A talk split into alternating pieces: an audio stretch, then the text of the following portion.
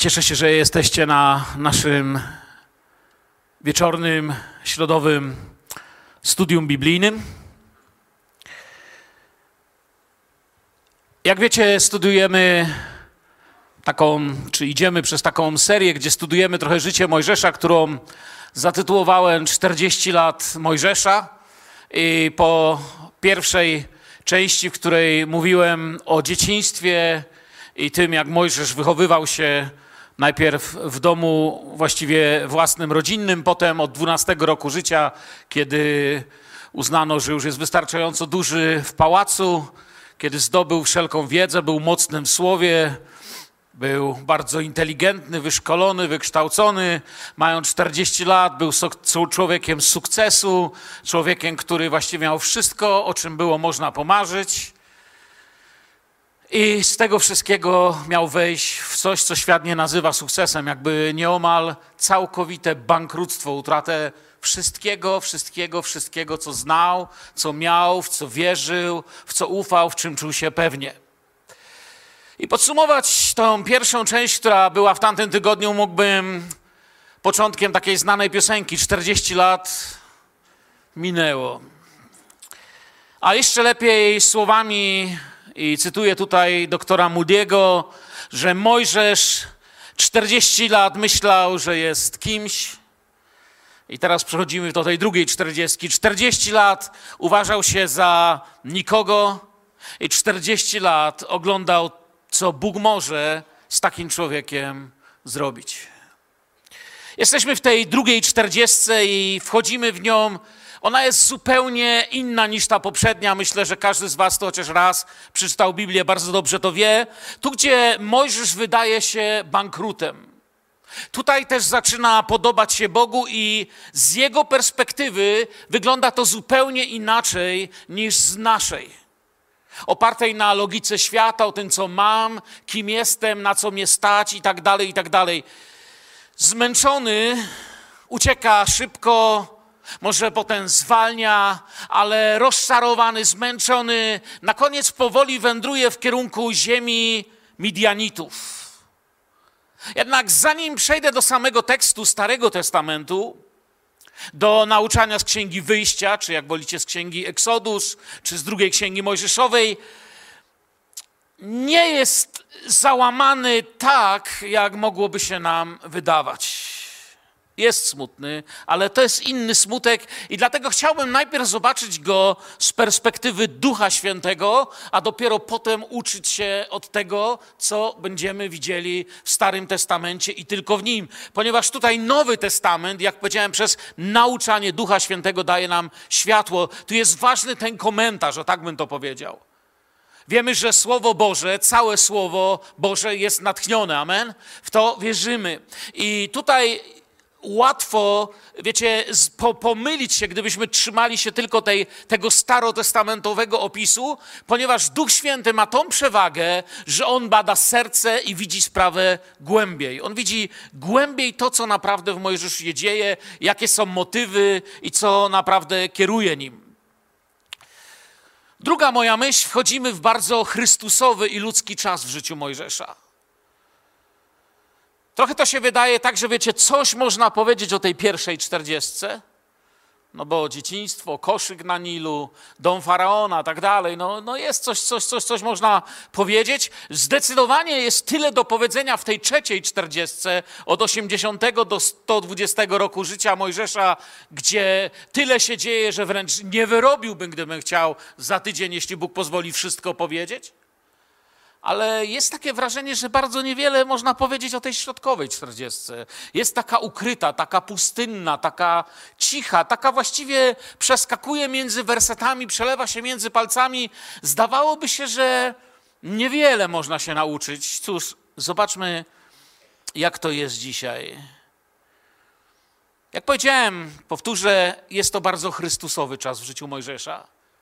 Historia, historia o tym, jak odwrócić się od bogactwa, a jednak ciągle wpatrywać się w zapłatę. Nie każdy to potrafi, to jest coś, do czego zostaliśmy też powołani. Hebrajczyków 11, 24 do 27 lepiej nam to wyjaśni.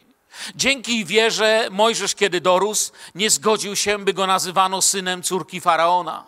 Wolał raczej dzielić cierpienia razem z ludem Bożym, niż zażywać przemijającej rozkoszy grzechu. Uznał on hańbę Chrystusową za większe bogactwo niż skarby Egiptu. Kierował wzrok na zapłatę. Czy w innym tłumaczeniu, bowiem kierował wzrok na zapłatę. Dzięki wierze opuścił Egipt, nieprzestraszony gniewem króla, trzymał się bowiem niewidzialnego, tak jak gdyby go widział. To ważne, myślę. Bez tych wersetów różna mogłaby być nasza interpretacja tego, kiedy widzieliśmy Mojżesza, zobaczył Egipcjanina, który zabija czy bije, ale tłumaczyłem, że tam jest to słowo, który bił niewolnika, bił go na śmierć, to miało go uśmiercić i zabił tego Egipcjanina, płytko go pochował. To wszystko wyszło, posypały się jego plany i teraz ucieka. Łatwo by było czegoś nie zauważyć, dlatego dobrze, że mamy tutaj ten list do Hebrajczyków, gdzie Duch Święty pozwala nam wniknąć w głębiej. Oczywiście znalazł się w tym miejscu, bo nie był politycznie poprawny, jeśli chodzi o politykę Egiptu. Czyli nie zamierzał poniżać niewolników hebrajskich, raczej utożsamiał się z nimi i był z nimi, ale było tu coś dużo, dużo więcej. Ważne jest podkreślić, że Mojżesz nie ucieka na pustynię z powodu lęku przed faraonem. To nie jest rodzaj ucieczki, że ja się boję i dlatego, że się boję, to uciekam. Tam zupełnie inne rodzaje bojaźni, inne rodzaje wpływu mają miejsce i to musimy najpierw zobaczyć. Hebrajczyków 11:27 mówi nam: Dzięki wierze opuścił Egipt, nieprzestraszony gniewem króla. Czytałem to. Trzymał się bowiem niewidzialnego tak, jak gdyby go widział. Trzymał się czegoś niewidzialnego Uciekał przed czymś widzialnym, czymś, co chciało go niby obdarować i wywyższyć na jakimś podium, ale kiedy ucieka, bo zawiódł w tamtym królestwie złota i tego blichtru, nie ucieka dlatego, że faraon chce go zabić. To nie jest jedyny powód. Nie to go prowadzi na pustynię. Nie to również jest źródłem jego najgłębszego smutku. Duch Święty mówi do nas: Nie, nie to. To jest hańba Chrystusowa a przepraszam, a co to jest? To poczucie, że jest się opuszczonym przez Boga. To poczucie, że zostało się samym. To poczucie, w którym serce płacze i mówi: Boże mój, Boże mój, czemuś mnie opuścił. Uznaje to za lepsze niż powrót do faraona, ponieważ czymś w głębi siebie dostrzega to, co jest za tą doliną cienia śmierci. Chrystus w czasie swojej ziemskiej pielgrzymki stał się kimś, kogo brzydziła się cała religia tamtych czasów. Mojżesz w czasie swojej pielgrzymki staje się kimś, kim brzydzi się cała religia Egiptu i kimś, kto podoba się Bogu. Bóg nam opowiada tą historię. Wolał raczej dzielić cierpienia razem z ludem Bożym, niż zażywać przemijającej rozkoszy grzechu. Duch Święty mówi: Jak go widzicie, to wiedzcie, ja wam to mówię. Może tego nie widać, ale on wolał. Słowo wolał oznacza gest woli, decyzję tego, czego się chce. On to była jego wola. Być może mógł wrócić na dwór, kombinować, wytłumaczyć się, nie wiem, kłamać, że tamten go wkurzył, cokolwiek cokolwiek wymyślić, miał stanowisko, miał możliwości, miał pieniądze, dało się załatwić, ale nie, zupełnie inaczej toczy się sytuacja. Królestwa przeminą. Ziemskich królestw zawsze dochodzi kres w ich czasie, a on widzi coś, czego jeszcze nie widać, coś, co dopiero nadejdzie, i to jest wiara. Czy mogę się z tym utożsamić na tym świecie? Czy widzę to, co nadchodzi? Dlatego, że jak nieraz mówiliśmy tutaj, nasza wizyta tutaj w niedzielę to nie jest prawdziwe chrześcijaństwo. Niedziela jest najłatwiejsza, żeby być chrześcijaninem. Nasze chrześcijaństwo są Twoje dzisiejsze, teraźniejsze decyzje w tej chwili. Czy teraz, tu, dzisiaj, czy siedząc tutaj, żyjesz tak, że masz tą świadomość, Bóg jest teraz obok mnie, Bóg pójdzie ze mną do domu, Bóg ze mną dziś będzie, kiedy będę leżał wieczorem, kiedy będę wstawał rano, kiedy jutro jutro podejmuję decyzję od tego, jakie są, zależy, czy go uczczę, czy się będę od niego, od od, odwracał. Zależy na co czekam, czy widzę co nadchodzi, czy mogę się powstrzymać od możliwości, pokus i dziwnych obietnic na dziś, aby zyskać to, czego jeszcze nie widzę, ale co ma być jutro. Bo przecież w Biblii są przykłady, że można wybrać inaczej. Że można żyć tylko tym, co dziś i być zadowolonym z życia. Są takie przykłady, chociażby, wiecie, takim przykładem jest Herod, który wybiera egzekucję Jana. Zobaczcie na Marka, szósty rozdział, dwudziesty werset, albowiem Herod bał się Jana, wiedząc, że to mąż sprawiedliwy i święty, ochraniał go, a słuchając go czuł się wielce zakłopotany, ale chętnie go słuchał. A więc mamy człowieka, który wie, że ten, który do niego mówi, jest kimś naprawdę Bożym. Mamy człowieka, który jakąś reakcję musi okazać na to, co jest mu zwiastowane, i wie, że to, co jest mu zwiastowane, wpływa na jego serce, lęka się, jest poruszony. Troszkę parafrazując i upraszczając to, mógłbym powiedzieć: Oto mamy człowieka, który w czasie nabożeństwa czuje, naprawdę czuje, że Bóg do niego mówi. Czujesz, że ten, który głosi kazanie, w tym wypadku Jan, jest naprawdę kimś, kogo Bóg używa. Ale potem w jego letnim pałacu nad Morzem Martwym ma miejsce pijacka, hedonistyczna uczta.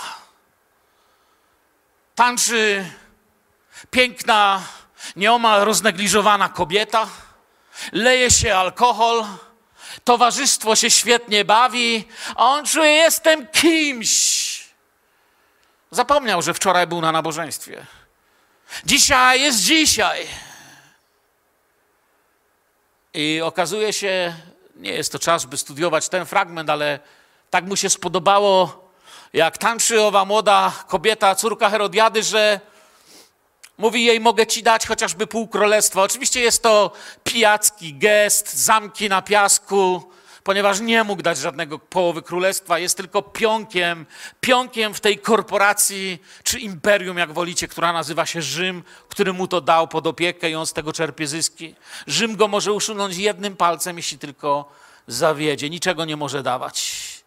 Ale oni nie chcą połowy królestwa ze względu na różnego rodzaju obrazę majestatów, ponieważ Jan głosi prawdę i napomina ich, że nie mogą ze sobą cudzołożyć, że nie może brać żyć z żoną swojego brata i tak dalej. Żądają jego głowy.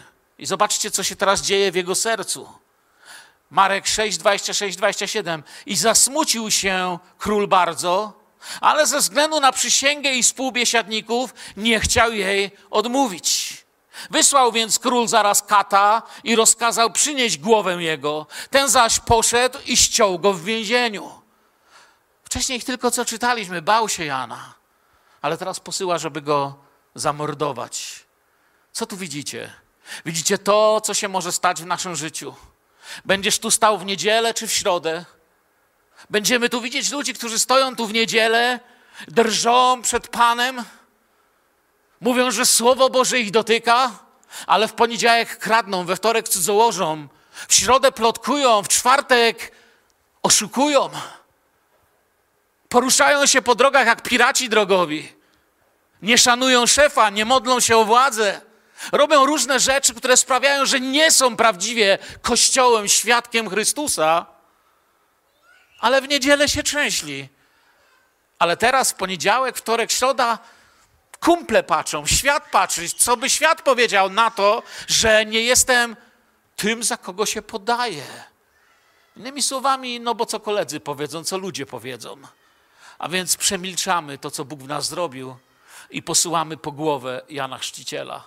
W naszym wypadku nikt nam głowy nie przynosi na misie, ale wracamy do domu i czujemy, że kolejny raz zrobiliśmy coś, czego nie planowaliśmy zrobić w niedzielę. Że kolejny raz okazało się, że miłość tego świata jest dużo większa niż nasza decyzja pójścia za Jezusem. Mojżesz w swoim uszytym na miarę ubraniu, z doświadczeniem z pałacu jest na pustyni. Ma śliczne ubranko, prawdopodobnie zrobione przez 20-30 fachowców, warte fortunę, warte kilka koni, ale ono się zaczyna szczępić. Kiedy wędruje po pustyni, to ciernie, pył pustyni, kolejne noce, kolejne dnie sprawiają, że to ubranie się starzeje, ciągle jest na miarę, ale on ciągle jest na pustyni i po prostu przez, nie pasuje do niej i nie może odnaleźć swojego nowego miejsca. Gdzie jestem? Przecież czułem, że Bóg posłał mnie, żebym coś zrobił. Nawet wziąłem i zabrałem się za tego Egipcjanina. Chciałem dobrze. O co w tym wszystkim chodzi? To, co nauczył się w Egipcie, jest przydatne, jak, nie wiem, jak politolog z wędką na pustyni Gobi. Ani mu się politologia nie przyda, ani wędka. Bo nie ma ludzi, jest tylko zimno i nie ma wody, nie ma gdzie ryb złapać. Albo nawet na księżycu, jakbyś z wędką poszedł, tyle ci się przyda. Kompletnie nie pasuje tu, gdzie jest i nie może znaleźć swojego miejsca. Może jesteś w tym miejscu. Mówisz, Boże, Urodziłam się, by być kochana i szanowana, a jestem poniewierana. Urodziłem się, by czynić dobro, a czynię zło. Urodziłem się, aby, ale nie pasuje tu, gdzie jestem. Co się dzieje? Chciałem dobrze, ale nie stało się. Oto lekcja drugich 40 lat życia Mojżesza. To, co nauczył się w Egipcie, kompletnie nieprzydatne. Ma gorsze dni, każdy potrafi się domyślić, że na pewno wędrując wspomina, przecież jest człowiekiem. Być może żałuje, być może cierpi, być może w dzień jest mu gorąco, w nocy zimno, nie ma dokąd wrócić. I może w takim miejscu, jak mówię, jesteś dzisiaj. Może powiesz tak, ale wiesz, ja naprawdę kiedyś czułem powołanie, nie wiem, co się stało dziś z moim życiem. Kiedyś czułem, że chciałbym pomóc tym, co piją, a sam piję. Kiedyś czułem, że chciałbym, żeby w Polsce nie kradli, ale sam kradnę. Choć może jesteś takim miejscu, że czułem kiedyś powołanie, a teraz czuję rozczarowanie. Próbowałem, ale Bóg się nie przyznał. Mojżesz mówi to samo. Próbowałem. I to tak na powagę, na poważnie. Ale Bóg się nie przyznał. Czułem, co mam zrobić. I to dla samego Pana Boga. A jednak On się nie przyznał. Ludzie tego nie widzą. Wokół pustynia. Stąd ten komentarz Ducha Świętego jest bardzo cenny, by zobaczyć pośród jakich motywów i jakich przeżyć dzieją się te rzeczy.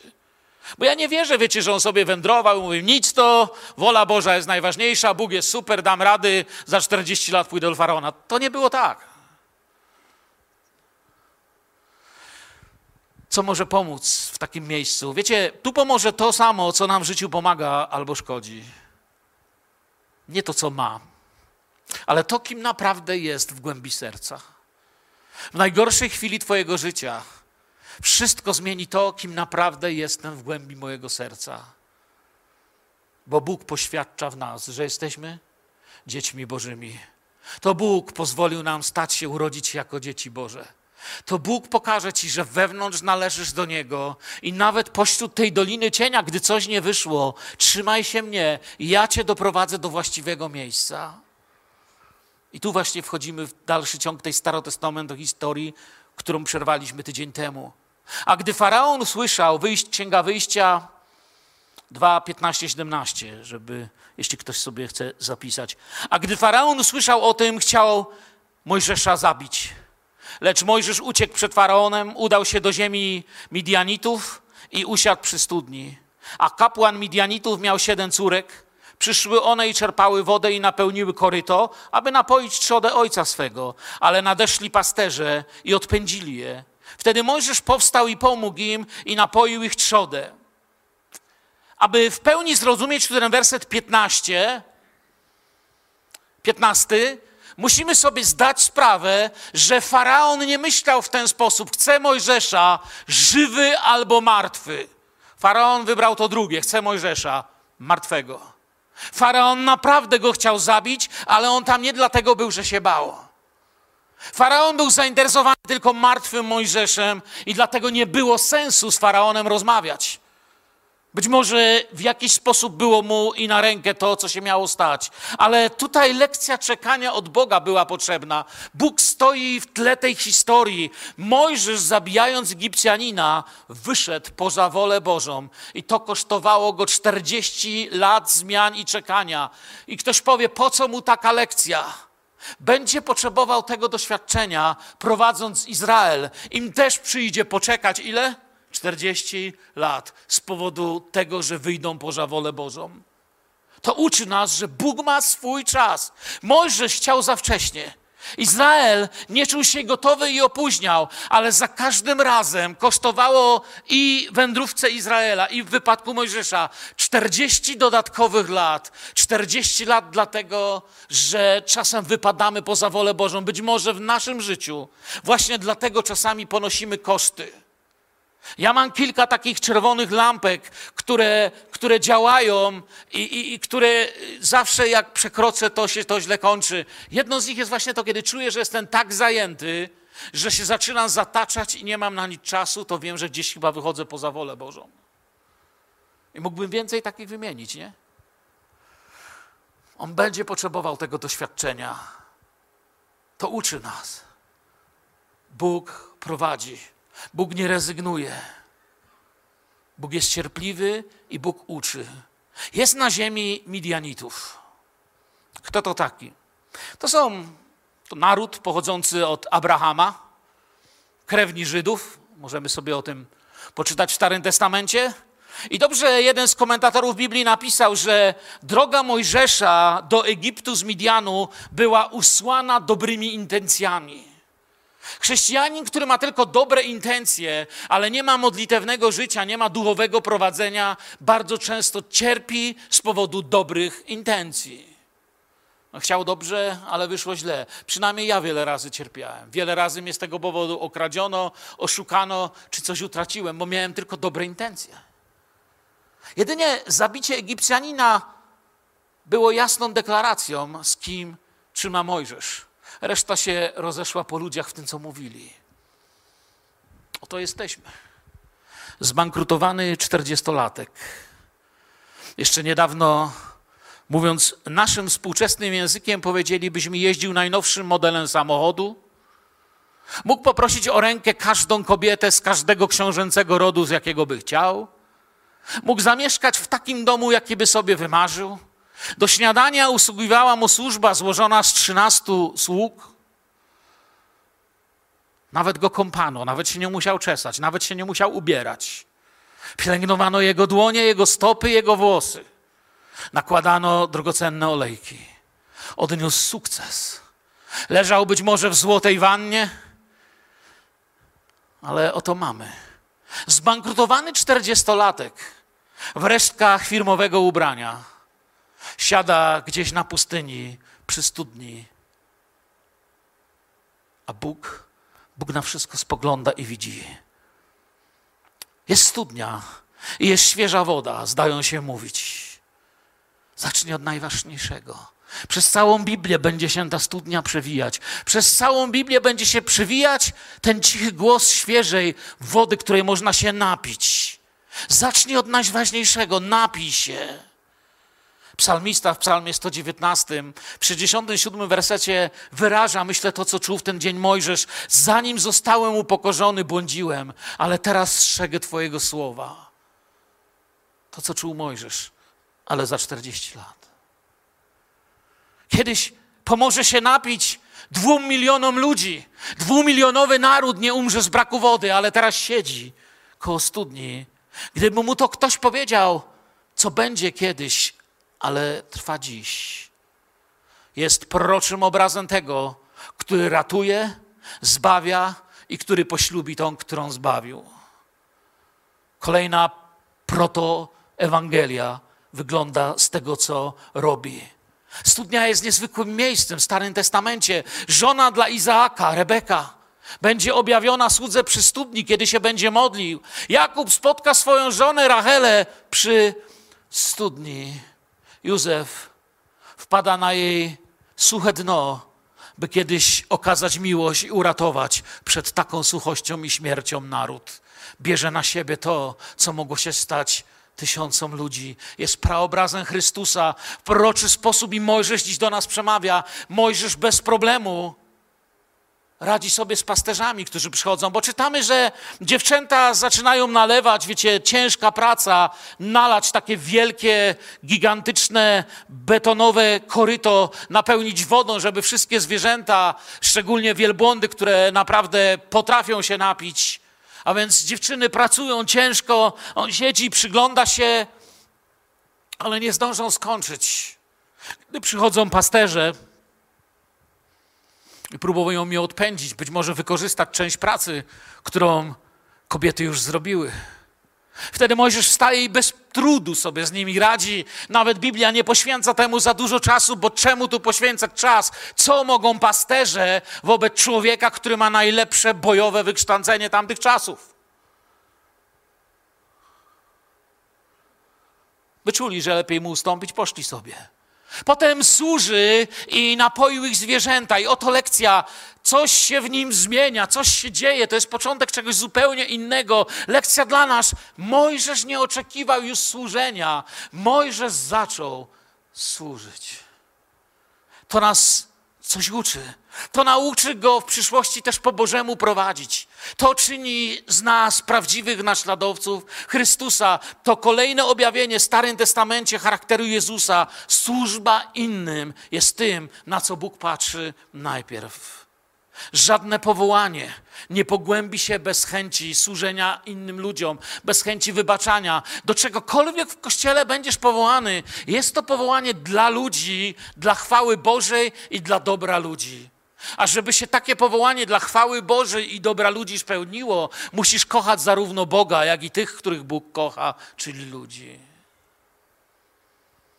Inaczej się to nie pogłębi. Łukasz 22 i 26 mówi nam, co Jezus na ten temat naucza. Wy zaś nie tak, lecz kto jest największy pośród was, niech będzie jako najmniejszy, a ten, który przewodzi, niech będzie jako usługujący. To dobry podpis pod ilustrację Mojżesza który poi zwierzęta i obronił dziewczęta. Niełatwo jest poskromić swój charakter, przyzwyczajony do przemocy, do tego, że nas obsługują. Niełatwo jest poskromić swój charakter przyzwyczajony do słownej, drogowej, zawodowej, psychicznej i innej przemocy. Niełatwo jest być obcym i niełatwo jest być sługą i obrońcą i zachować wiarę. To jest to miejsce, w którym jest.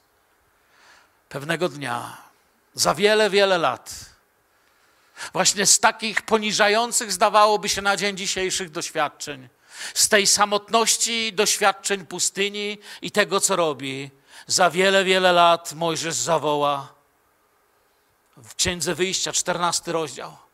To już będzie naprawdę niesamowity czas w jego życiu. Na to rzekł Mojżesz do ludu: Nie bójcie się, wytrwajcie, a zobaczycie pomoc Pana, której udzieli Wam dzisiaj. Egipcjan, których dzisiaj oglądacie, nie będziecie już nigdy oglądali. Pan za Was walczyć będzie, Wy zaś milczcie.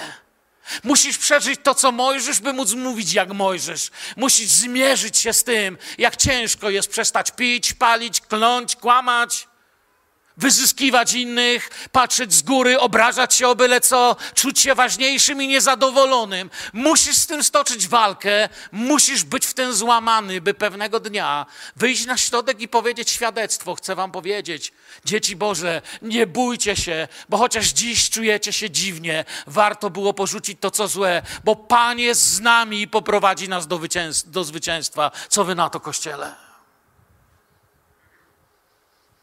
Siedzi i obserwuje dziewczęta.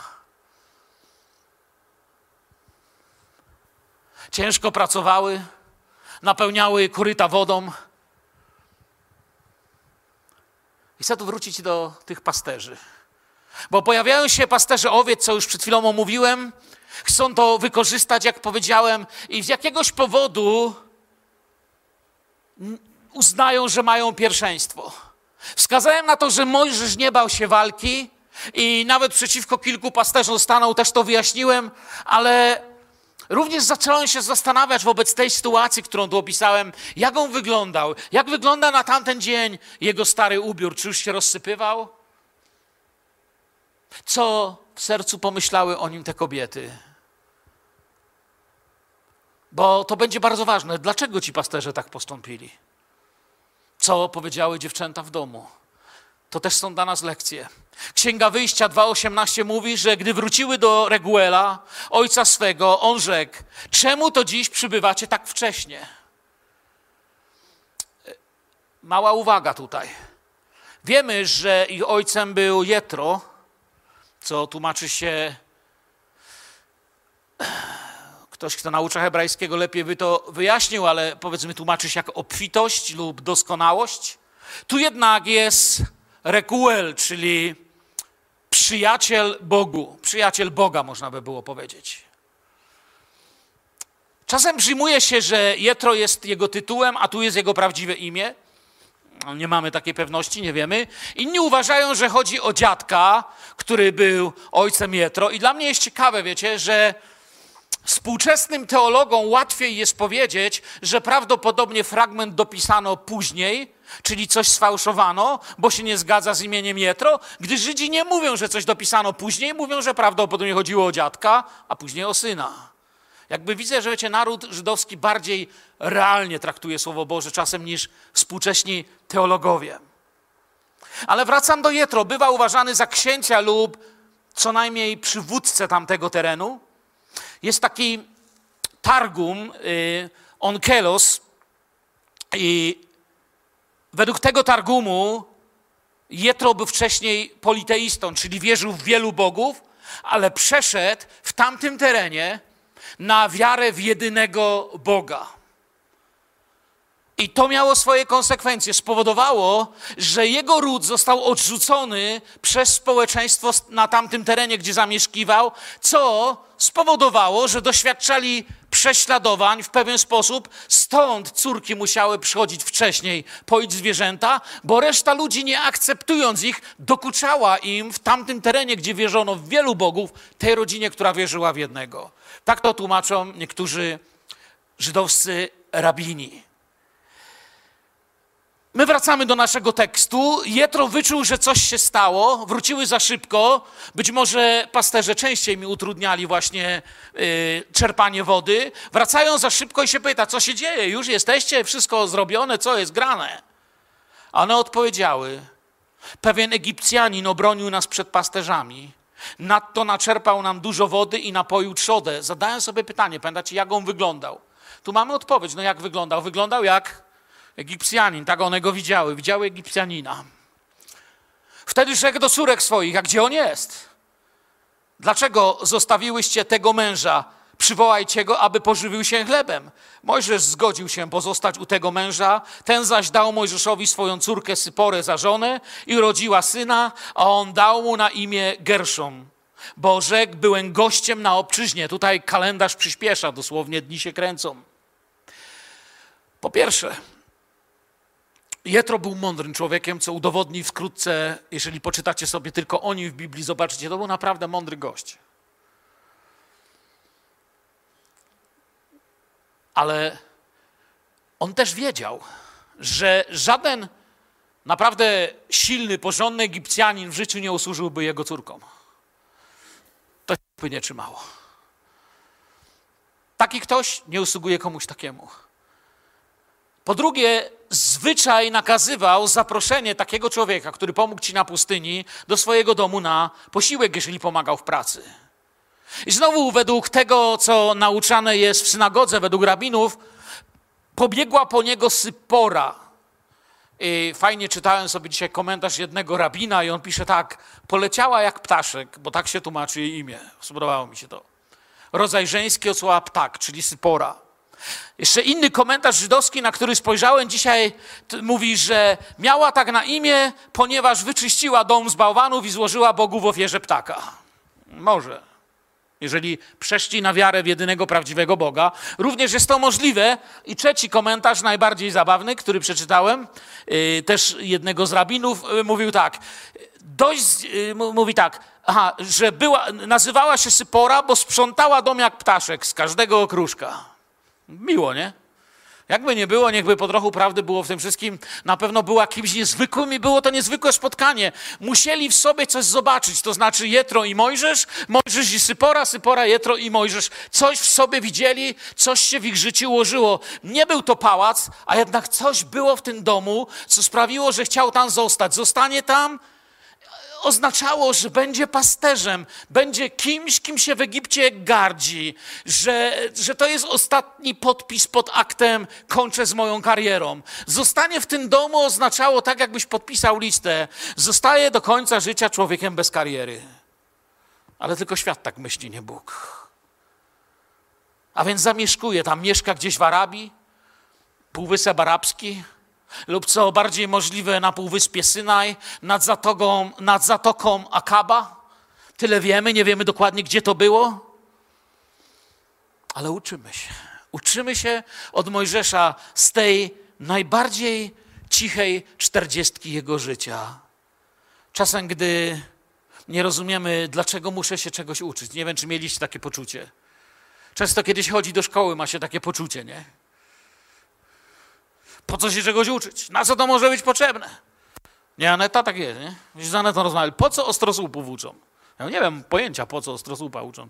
Komuś się z was przydało? Trzeba się zastanawiam, czemu czegoś uczą, czemu się czegoś trzeba uczyć. Zadajemy sobie pytanie, po co mi to będzie potrzebne? Po co?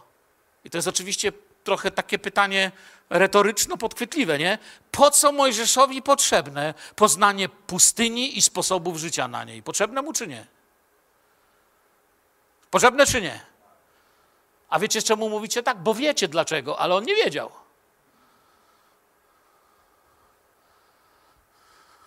To jest trochę tak, jak ja bym, nie wiem, podszedł do pastora i powiedział, pastorze Bogdanie, czuję, że powinieneś się nauczyć obsługiwać nie wiem, lokomotywy spalinowe. Po co? Nie? Ja też bym sobie zadał takie pytanie, gdyby mi y, pastor powiedział coś w drugą stronę, typu, nie wiem, nie? jeszcze jakieś inne. Po, po, po co się mam tego uczyć? Ale widzicie, Bóg ma coś w planie. Kładzie to przed nim i nie tyle Mojżeszowi przychodzi zastanawiać się po co, co zrobić to dobrze. Być sobą, być dalej tym kimś, kto czuje, że idzie za czymś, czego nie zna, idzie za zapłatą, której jeszcze nie widać, idzie za hańbą, która na razie na nim ciąży, Coś się dzieje, chociaż on nie wiem, czy umiałby w tym momencie opisać, co to jest. Po co mi uczenie się życia na pustyni? My wiemy po co, bo, bo znamy dalszy ciąg historii. Bez tego nic by się nie stało. Po co Mojżeszowi potrzebne poznanie pustyni i sposobów życia na niej, nie? Zbór musi się też uczyć. My się wszyscy musimy uczyć. Jest pewna prawda, która czy mi się podoba, czy mi się to nie podoba, czy się będę uznawał za skromnego, czy udawał skromnego, czy będę naprawdę skromny. Cokolwiek pomyślicie, jest taka prawda. Coś wam powiem o Kościele. Zbór nigdy nie przerośnie pastora. Jeżeli pastor żyje byle jak i prowadzi świeckie życie, to prawdopodobnie zbór będzie to tolerował. Albo nie będzie się z tym zgadzał, będzie się modlił i będzie coś z tym chciał zrobić. Grupa nie przynosi lidera, naród przywódcy. A jeśli to się stanie, oznacza jego koniec i jest dowodem zaniedbania. Zawsze, kiedy Kościół przerósł lidera, to była reformacja. Zawsze, kiedy słudzy przerośli Pana, nie było dobrze. Oznaczało jakieś zaniedbania. Mojżesz musi mieć swój eksodus najpierw, aby mógł poprowadzić czyś.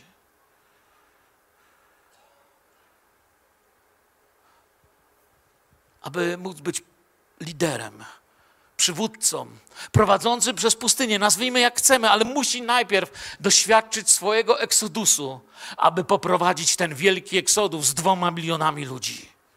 Tego się nie da nauczyć w szkole Egiptu. Tak jak Kościoła nie da się nauczyć w szkole biblijnej. Dzisiaj z perspektywy mojej służby mogę Wam powiedzieć tak. Cieszę się, że byłem w szkole biblijnej, jednej i drugiej. Cieszę się z tych wszystkich książek. Kocham książki, kocham się uczyć, kocham czytać. Bardzo mi się to podoba. Ale najwięcej w życiu dały mi misje. Nic mnie tyle nie nauczyło, co misje, nic mnie tyle nie nauczyło, co praktyczne działania w kościele, kiedy jako młody chłopak różne rzeczy słyszałem, byłem do różnych rzeczy używany, na różny sposób mój pastor, mój mentor mnie używał i w Estonii, czy w Rosji. To były nasze szkoły. Kościoła nie nauczysz się z książki. A więc ptaszek Sypora staje się jego żoną. Całkowicie oddzielony od kultury i wpływu Egiptu może polegać na Bogu w nowej rodzinie. Rano wstaje, nikt się nie kłania, nikt nie podnosi kołdry, nikt nie nasuwa kapci na, na nogi, nikt nie mówi, że kąpiel gotowa. Wstaje i idzie paść owce. Te śmierdzące owce, to pastwisko, te krzewy i ten pył.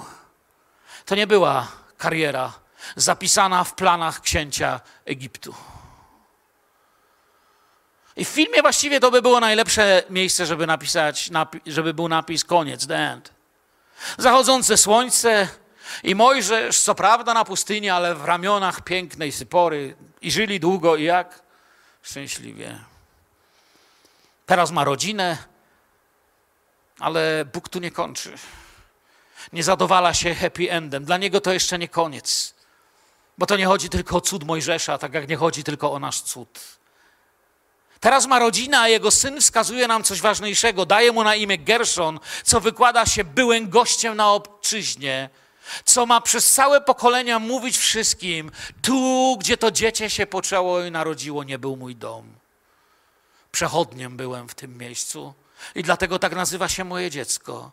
Ziemia Midianitów nie jest dla niego domem, ale jest miejscem Bożej woli. Jest w Bożej woli, chociaż nie jest w miejscu, do którego zmierzał. Próbował na skróty, poszedł do Egipcjanina i go zatłukł. Myślał, pięknie, z pałacu od razu wchodzę w Bożą wolę, ale to nie było tam. Teraz jest daleko od pałacu, a jednak jest w Bożej woli.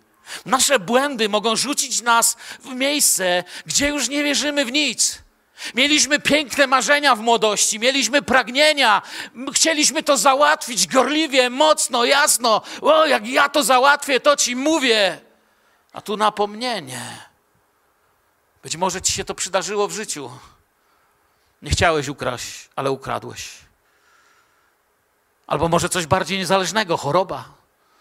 Albo może jeszcze bardziej skomplikowanego, co sprawia, że wielu cię przekreśli. Może to był rozwód upadek moralny. Rozleciała ci się rodzina, nikt cię nie pyta, nikt nie policzył twoich łez, nikt nie wie, co się stało, przez co przyszedłeś. Ludzie tylko wiedzą, nie nadaje się.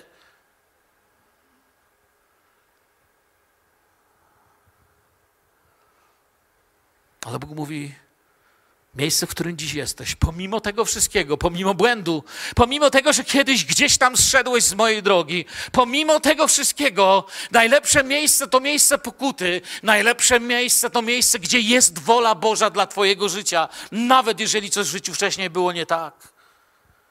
Każdy błąd, gdy wydawało się nam, że to my sterujemy wszystkim, a doprowadzał nas do miejsca, gdzie wszystko runęło na nas, i uczyliśmy się, że u ludzi nie ma na co liczyć.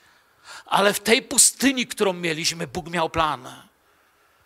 Ktoś może powiedzieć, wiesz, chłopie, ty używasz tu takich przykładów, toż to Mojżesz. Gdzie mi się równać w moich błędach z Mojżeszem? Chwileczkę. To samo mogła powiedzieć pewna kobieta z Samarii przy studni. A gdzie mi się równać?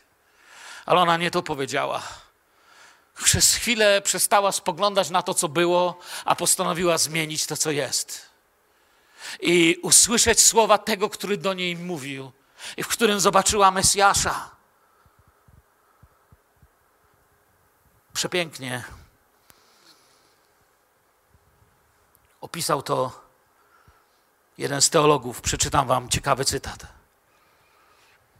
Każde uderzenie ręki, która cię policzkuje, Każda rana zadana przez plagi, każda upalna godzina w południowym słońcu, każda samotna godzina, kiedy ten, kto miał cię kochać i przyjaciele stoją z daleka, każdy krok w dolinę cienia śmierci, każda chwila niespokojnego snu są obserwowane przez oczy, które nigdy nie drzemią ani nie śpią. Bóg widzi, gdzie jesteś. Mojżesz pasie uparte owce i Biblia nie opisuje nam za wiele z tego okresu, ale to przygotuje go do bycia pasterzem, o którym mówi się dusz pasterz. o którym mówi się przywódca Izraela, nad owcami dużo bardziej upartymi, to tu poznaje tego, który objawia się jako El Shaddai. A potem jeszcze piękniejsze objawienia będą. Bóg przygotowuje człowieka do służby w miejscach bardzo dziwnych. Dawid nie od razu wziął tron.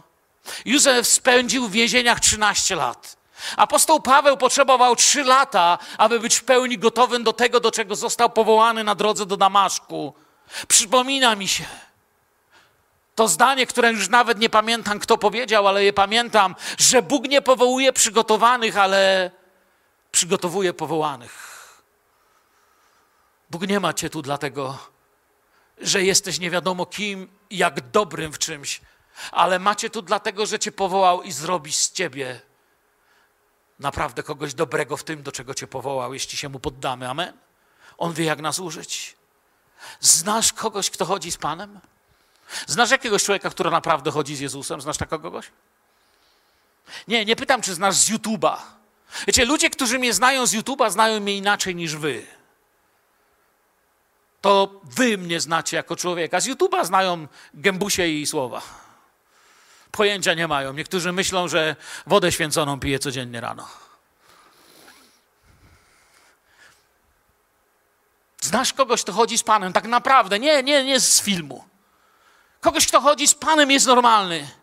Pracuje, dzieci ma, wychowuje, albo ma dzieci, czy nie ma, ale jest człowiekiem realnym koło ciebie. Jeśli znasz taką osobę i masz ją teraz na myśli, to ci coś o niej powiem. I wcale nie muszę tu stosować żadnych sztuczek, by ci o tej osobie coś powiedzieć.